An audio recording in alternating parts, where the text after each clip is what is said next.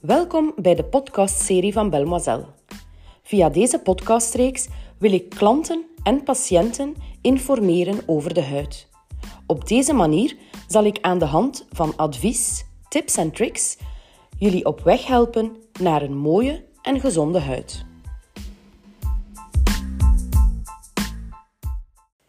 In deze podcast wil ik het hebben over de belangrijkste voedingsstoffen voor een gezonde huid. Voeding kan een groot verschil maken voor de gezondheid van de huid. Eigenlijk is dat best logisch, aangezien de huid het grootste orgaan is, dat na de lever de belangrijkste route vormt voor de afvoer van afval en gifstoffen. Allerlei huidproblemen zoals acne, uitslag, eczeem, een vette of droge huid, vroegtijdige huidveroudering, rosacea en roodheid kunnen een teken zijn dat het lichaam belangrijke voedingsstoffen mist. In de huidtherapiepraktijk ervaren we steeds vaker dat cliënten baat hebben bij aanpassingen in hun eetgewoonten. Welke voedingsstoffen dragen bij aan een soepele en mooie huid? In deze podcast benoem ik de belangrijkste voedingsstoffen voor een gezonde huid. Het allereerste is vitamine C. Vitamine C is de sterkste voedingsstof voor de huid door de invloed ervan op de vorming van collageen in de diepere huidlagen. Daarnaast is het een krachtige antioxidant die de vrije radicalen bestrijdt die afbraak van collageen en elastine veroorzaken. Vitamine C draagt bij aan een goede huidbarrière en zorgt ervoor dat de huid beter gehydrateerd blijft. Ook beschermt vitamine C voor UV-schade. En daarnaast kan vitamine C de productie van melanine onderdrukken en werkt het ontstekingsremmend in de huid. Bij Belmoiselle zetten we vitamine C in ter voorkoming van huidveroudering, pigmentvlekken, acne en rosacea. De belangrijkste bronnen van vitamine C zijn citrusvruchten, kiwis, appels, zoete aardappel, perziken, papayas en sojabonen. Als tweede vitamine A. Vitamine A stimuleert de celgroei en bouwt collageenvezels. Het is bewezen dat vitamine A tot in het DNA van de kerncel kan komen. Vitamine A vermindert de productie van overtollig talg en controleert de opeenstapeling van keratine, het eiwit in de huid. Een tekort aan vitamine A resulteert vaak in een droge, ruwe huid.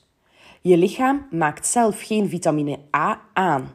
Je krijgt het alleen binnen via de voeding en via de huid. De huid kan het al binnen enkele uren opnemen en via voeding gaat het langzamer. Teritoïne, retinol en retinal zijn vormen van vitamine A-zuur die verwerkt worden in huidcremes. Wij zetten dit veelvuldig in om acne te bestrijden en de structuur van acne-littekens en rimpels ten gevolge van UV-schade te verzachten. Ook zorgen deze vormen van vitamine A-zuur voor een gelijkmatige verdeling van melanocyten en is het onmisbaar bij de behandeling van pigmentvlekken. De belangrijkste bronnen van vitamine A. Lever is de rijkste bron, maar ook eiwitten, gele paprika, wortel, zoete aardappel, pompoen, broccoli, avocado, perziken, abrikozen, meloen en mango zijn heel goede bronnen.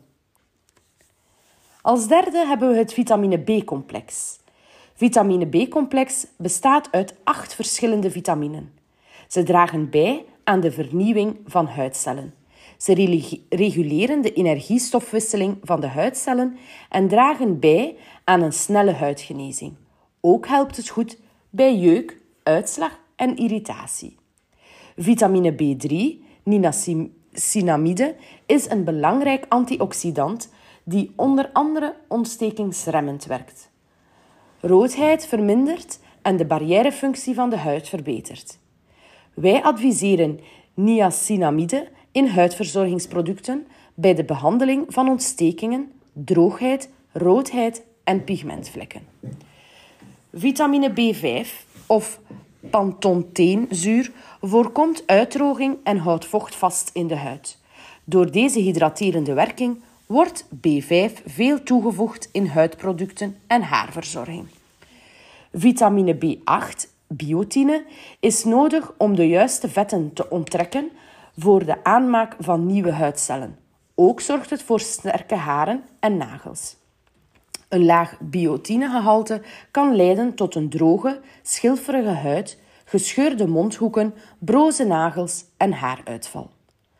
Belangrijkste bronnen van het vitamine B-complex: vlees en vis, gevogelte, noten, zaden en graanproducten, groenten en met name de snijbiet, zoete aardappelen, tomaten, wortel en avocado.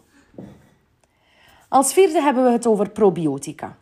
Biotine wordt ook aangemaakt door goede darmbacteriën, de probiotica. Deze helpen bij de vorming van B-vitaminen uit onder andere voedingsmiddelen. Goede bacteriën in de darmflora verhogen de weerstand en brengen de hormoonhuishouding in balans. Dat zie je terug in de huid. De darmflora en de huid zijn onlosmakelijk met elkaar verbonden. Er zijn immers al veel studies gedaan die een duidelijk verband leggen tussen probiotica en de afname van huidklachten. Antibiotica en alcohol zijn de grootste vijanden van probiotica. De belangrijkste bronnen van probiotica zijn kefir, zuurkool, yoghurt, miso, tomaten, uien, knoflook en bananen. Als vijfde hebben we het over de essentiële vetzuren van vitamine E. Essentiële vetzuren en vitamine E worden samen genoemd, omdat ze vaak naast elkaar aanwezig zijn in voeding. Ze beschermen de huidcellen tegen oxidatieve stress en voorkomen ontstekingen bij een beschadigd immuunsysteem. Ze versterken de barrièrefunctie van de huid en hydrateren de huid.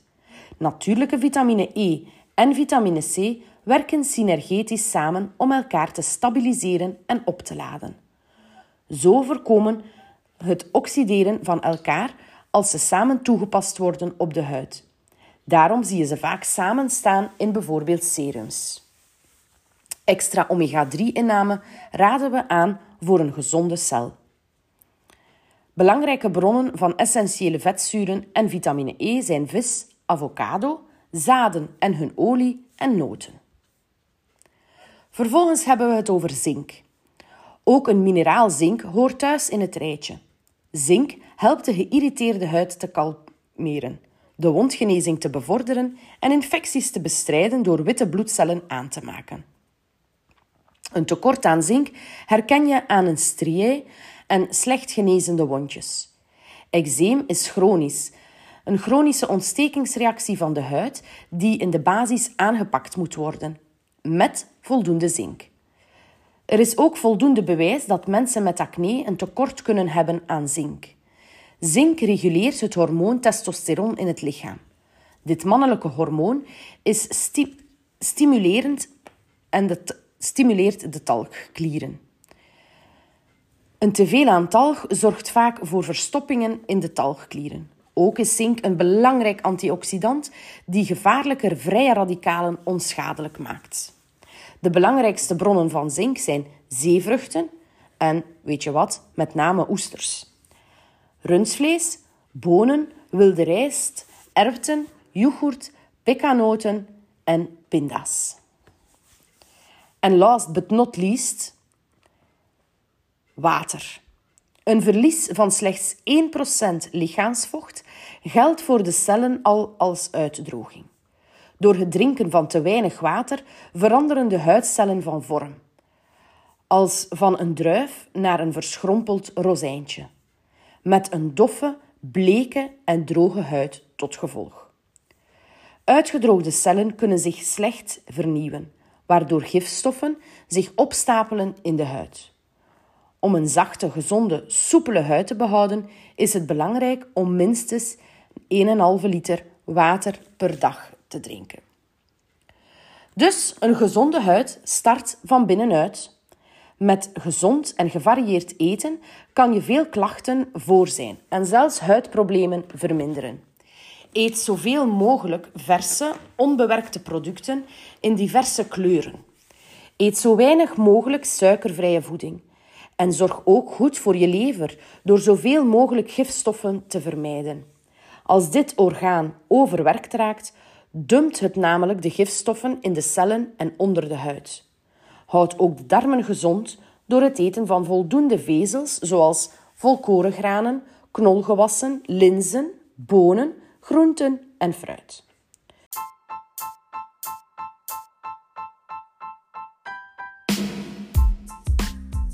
Zo, dit was het voor deze podcast. Wil jij op de hoogte blijven van mijn tips en advies? Hou dan zeker de website en social media van Belmoiselle in de gaten, want samen werken wij aan een gezonde huid. Ik hoor je graag terug in een volgende podcast.